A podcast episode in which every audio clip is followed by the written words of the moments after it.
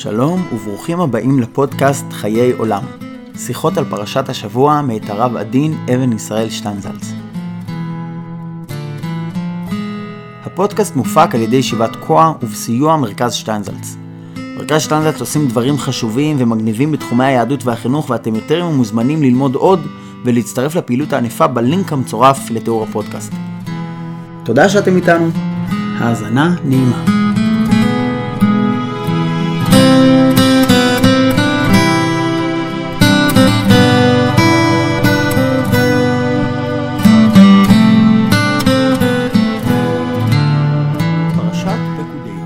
פרשת פקודי מסיימת את ספר שמות ומסיימת סדרה של פרשות העוסקות במשכן. בתוך הנושא של המשכן יש הרבה שאלות פרטיות שנידונות בגמרא ובמקומות נוספים, ואולם לפני העיסוק בכל הפרטים הללו עולות שתי שאלות שהן יסודיות. השאלה הראשונה קשורה לזמן בנייתו של המשכן. מדוע מקימים את המשכן כבר במדבר? הלא בשירת הים נאמר עד יעבור עמך השם, עד יעבור עמזו קנית, תביאמו ותטעמו בהר נחלתך, נכון לשבטך פעלת השם, מקדש השם כוננו ידיך. מן הפסוקים הללו נראה בפשטות שיש סדר מתוכנן לדברים.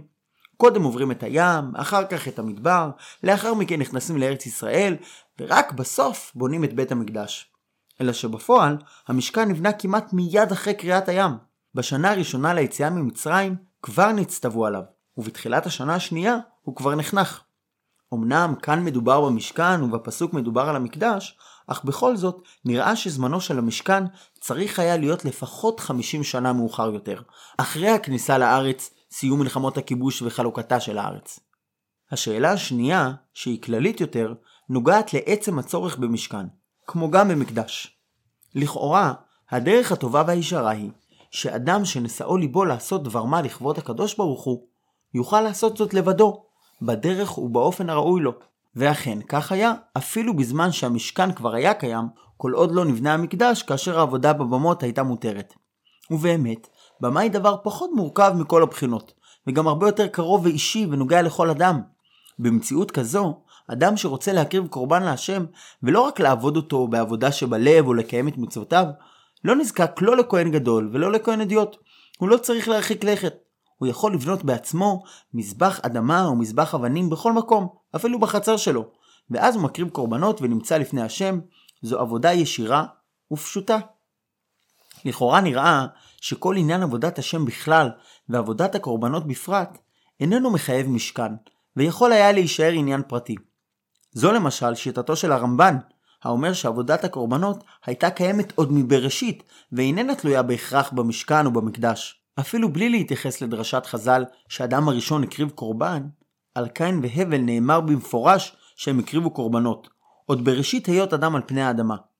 מסתבר שההרגשה שמביאה את האדם להקריב קורבנות היא כנראה מהותית למין האנושי. לכל אדם, ולאו דווקא אדם מישראל, יש אפשרות אליבא דדינא ואליבא דהילכתא להקריב קורבן להשם בכל מקום ובכל זמן. למעשה, רק אנחנו, עם ישראל, הוגבלנו בזה, וחייבים להקריב דווקא במשכן ובמקדש.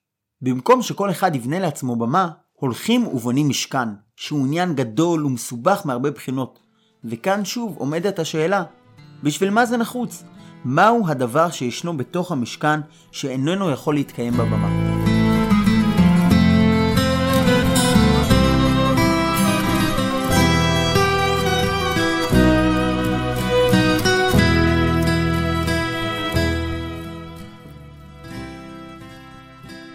נראה שבין הקרבת קורבנות בבמה לבין האופן בו נתייחדה עבודת הקורבנות לישראל בבית המקדש, יש בכל זאת הבדל, העומד על כך שאלו שני אופנים שונים של עבודת השם. לבני נוח נועד סוג אחד של עבודת השם, שבמסגרתו ניתן להקריב קורבנות בכל מקום, ואילו לישראל יש עבודת השם באופן אחר, שבו הם נזקקים לבית המקדש. האופן הראשון בו אדם יכול לעבוד את השם, וזוהי עבודה ששייכת לכל אדם, הוא כאשר אדם כיחיד מנסה לעבוד את השם. באופן זה, האדם חי את חייו ומנסה מתוך עצמו להגיע בעבודת השם עד כמה שידו מגעת. ובתוך כך, כפי שראינו, האדם יכול להקריב גם קורבן, וזהו עניינו של קורבן היחיד, בבחינת איש אשר ידבנו ליבו. אדם קם בוקר אחד, רואה את השמש זורחת עליו, ומרגיש שהוא צריך לעשות משהו מיוחד בשביל הקדוש ברוך הוא. אז הוא הולך ומקריב קורבן. אדם אחר, כמו שרואים בתחילתו של ספר איוב, יכול להרגיש שהוא עשה דבר חטא, והוא צריך על כך כפרה וריצוי, ולכן הוא בא ואומר, ריבונו של עולם, אתן משהו לשמך. והוא הולך לבמה הקרובה ומקריב קורבן. בין אם הקורבן הוא קורבן תודה, ובין אם הוא קורבן כפרה, קורבן זה הוא חלק מעבודתו של האדם כיחיד. עבודה זו יכולה להגיע לכל מיני רמות, ואפילו לרמות הגבוהות, אבל יש לה גבול מהותי, והוא שהאדם נשאר בגבולותיו כאדם. עבודה זו מגיעה מתוך עולמו הפרטי של היחיד, ולכן, למרות שאין עליה שום הגבלות, לא בזמן ההקרבה ולא במקום, הרי שבמהותה היא מוגבלת בגבולות של היחיד, ואין היא יכולה לפרוץ לרמה אחרת של עבודה. עבודה זו שייכת לכל בני נוח ולכל האנושות כולה. האופן האחר של עבודת השם, עבודת השם של ישראל, מבוסס על כך שהיחיד לא נשאר במקום שבו הוא נמצא, אלא נקרא לצאת מחוץ לגדרים ולתחומים של הווייתו הפרטית. אצל עם ישראל עבודת הקורבנות והעבודה של מעלה בכלל נעשית באופן אחר, ויש לכך קשר לצורך במשכן ובמקדש. שהרי המקדש איננו רק מכשיר לפנייתו של האדם כלפי הקדוש ברוך הוא, אלא גם פתח, מעבר, בין העולם מצד אחד ובין הקדוש ברוך הוא מן הצד השני. אמנם גם במקדש יש צד של פנייה מלמטה למעלה, פנייתו של האדם כלפי הקדוש ברוך הוא, אך יש גם צד של פנייה מלמעלה למטה. הקדוש ברוך הוא שוכן במקדש, ודרכו הוא מתגלה, כמו שנאמר, ודיברתי איתך מעל הכפורת. שני האופנים הללו קשורים אחד לשני. על מנת שהקדוש ברוך הוא יתגלה במקדש, צריכה להיות התעוררות של ישראל מלמטה. המקום בו הקדוש ברוך הוא מתגלה, הוא המקום שכל העיניים נשואות אליו, ובמהותו הוא צריך להיות בבחינת תל תלפיות, תל שכל פיות פונים בו. ההתגלות של הקדוש ברוך הוא במקדש אינה מתרחשת מעצמה, היא דורשת רצייה, השתוקקות, ובזמן שהרצון המשותף הזה איננו קיים, בין אם זה מאונס או מרצון, במזיד או בשוגג, הפתח הזה איננו פתוח. בתמצית העניין, מה הכוונה בכך שבונים בית לקדוש ברוך הוא? הרי מלוא כל הארץ כבודו. מה זאת אומרת שעושים מקום ואומרים לו, בוא תשב? אלא שהשכינה באמת נמצאת בכל מקום, אבל לא בכל מקום יש פתח של התגלות. כדי שיהיה מקדש של מטה, צריך שהלב יהיה פתוח אליו. כאשר הלב איננו פתוח אליו, הוא יכול להיות רק מקום הראוי למקדש, אבל הוא לא מגיע לידי מימוש. בית המקדש הוא מקום אליו מתנקזים הרצונות של ציבור גדול של אנשים. לא תשוקה פרטית של אדם אחד, אלא של כלל ישראל. כאשר הרצונות מתרכזים יחד, נוצר דבר שעובר מעבר לתחום של הרצייה הפרטית של האדם, ויש מקום בו הוא יכול לשכון גם מלמעלה למטה. בצירוף הרצונות של רבים, נובע דבר שלא תמיד ניתן לראות אותו בעין. כשנוצר חיבור נכון בין אנשים מישראל, יש איזו הגברה, פי שניים, פי שלושה, פי עשרת אלפים ויותר, של מה שיש בתוך כל אחד ואחד. להבדיל, אפשר לחבר סוללות חשמליות באופן כזה, שבו כל אחת תישאר לעצמה, ואפשר לחבר אותן כך שכל אחת תתווסף למכלול ותעצים אותו. המכלול הזה נחוץ כדי שלא להישאר מצב שבו כל בריאה עומדת בפני עצמה. הוא דרוש כדי שהמהות שנקראת ישראל, כלל ישראל, תוכל להתקיים. מעם ישראל ככלל, הדרישות הן גדולות יותר וחריפות יותר ממה שניתן לדרוש מן היחיד, הגם שנדבו ליבו. בבית המקדש, כמו במשכן, הניסיון הוא להגביה את הסטנדרט של היחיד למדרגה שונה לגמרי. במקום הבמה שאינה מתקדשת בקדושת מקום, נבנה מקדש, וסביבו נוצר מבנה השלם של קודש ושל קודש הקודשים. יש בו את קורבנות הכלל וקורבנות נוספים שאינם יכולים לבוא בתור קורבנו של היחיד. בית המקדש מעיקרו נוצר על מנת להביא את היחידים לרצות הרבה מעבר למה שהם רוצים כשהם לבדם, ועל מנת לעשות את מה שהיחידים אינם מסוגלים לעשות בעצמם. כשאדם אומר, די לי במה שיש לי, זה סימן שהוא נמצא עדיין בבמת היחיד שלו. ואילו במקדש הוא נדרש לדברים שמעבר לתחום הרצונות שלו. וככל שהוא רוצה להיכנס יותר לקודש, הוא נדרש ליותר. לטהרה, לכפרה ולעלייה, דרגה אחר דרגה. המשכן והמקדש מקרינים פנימה, אל הקודש, אך בו בזמן משפיעים גם על החולין שבחולין. מרגע שהוקם המשכן, יש לו משמעות לא רק כשאני נמצא בתוכו, אלא גם כשאני סתם מסתובב במדבר.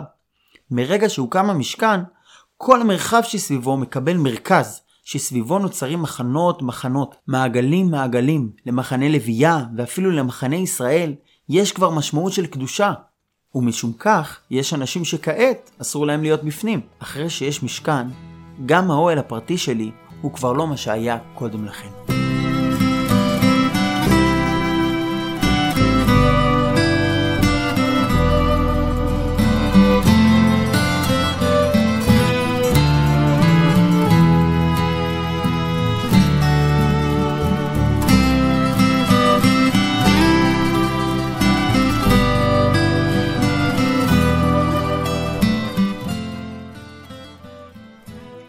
הסדר הנכון של הדברים צריך היה להיות, כפי שראינו, שרק כאשר הכל יעמוד על מכונו, יכבשו את הארץ, ימנו מלך ויאבדו את זרעו של עמלק, אז ניתן יהיה לבנות את בית המקדש.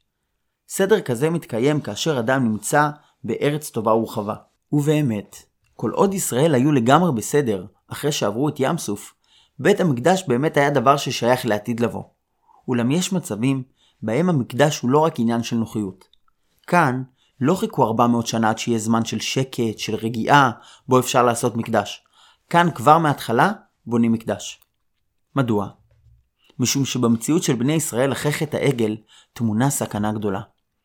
אם בני ישראל היו נכנסים מיד לארץ ישראל ומתחילים לעסוק בכל מה שקשור לכניסה לארץ, ניתן היה אולי להמתין עד בניית המקדש. אבל ישראל עומדים לפני 40 שנות נדודים במדבר, ובמהלכן אי אפשר להשאיר אותם במצב של פיזור, בתהייה פרטית לגמרי. יש מצבים בהם אם לא מושכים את האנשים בציציות ראשם למעלה ממה שהם שואפים לעשות, הם עלולים לרדת הרבה למטה ממה שהם היו רוצים. במצבם הנוכחי, ישראל היו צריכים משהו שנמצא מעבר למהויות הפרטיות שלהם. הם היו זקוקים למהות שתגביה אותם, מפני שאחרת, מי יודע אם הם בכלל היו מגיעים לידי כניסה לארץ ישראל. כאשר צריך להיזהר שבני ישראל לא יזבחו את זבחיהם לשעירים, זה סימן שצריך לבנות משכן. במקרה כזה, המשכן נעשה דבר שאיננו רק בגדר של לך שירחיב, הוא נעשה להכרח. יש פתגם שתמציתו נמצאת בכל מיני שפות. כשאי אפשר להגיע מלמעלה, מגיעים מלמטה. אבל מה עושים במצב שלכאורה הוא הפוך? מה עושים כשאי אפשר להגיע מלמטה? על משקל זה אפשר לומר שיש רק אופן אחד. כשאי אפשר ללכת מלמטה, מוכרחים להגיע מלמעלה. אם הנתיב הרגיל חסום, אני חייב למצוא נתיב אחר. אני צריך לקפוץ הרבה למעלה ממה שרציתי מלכתחילה. במצב כזה, אנשים נדרשים ללכת למעלה בקודש, באופן שכלל איננו מתאים למדרגתם הנוכחית. התהליך שבסופו של דבר מכריח את הקדמת בניית המשכן, מתחיל בחטא העגל. כאשר משה יורד מהר סיני ואומר, מי להשם אליי, התקבצו אליו כל בני לוי, והם עשו שם הריגה גדולה. אבל כמה אנשים בסך הכל נהרגו? שלושת אלפים איש.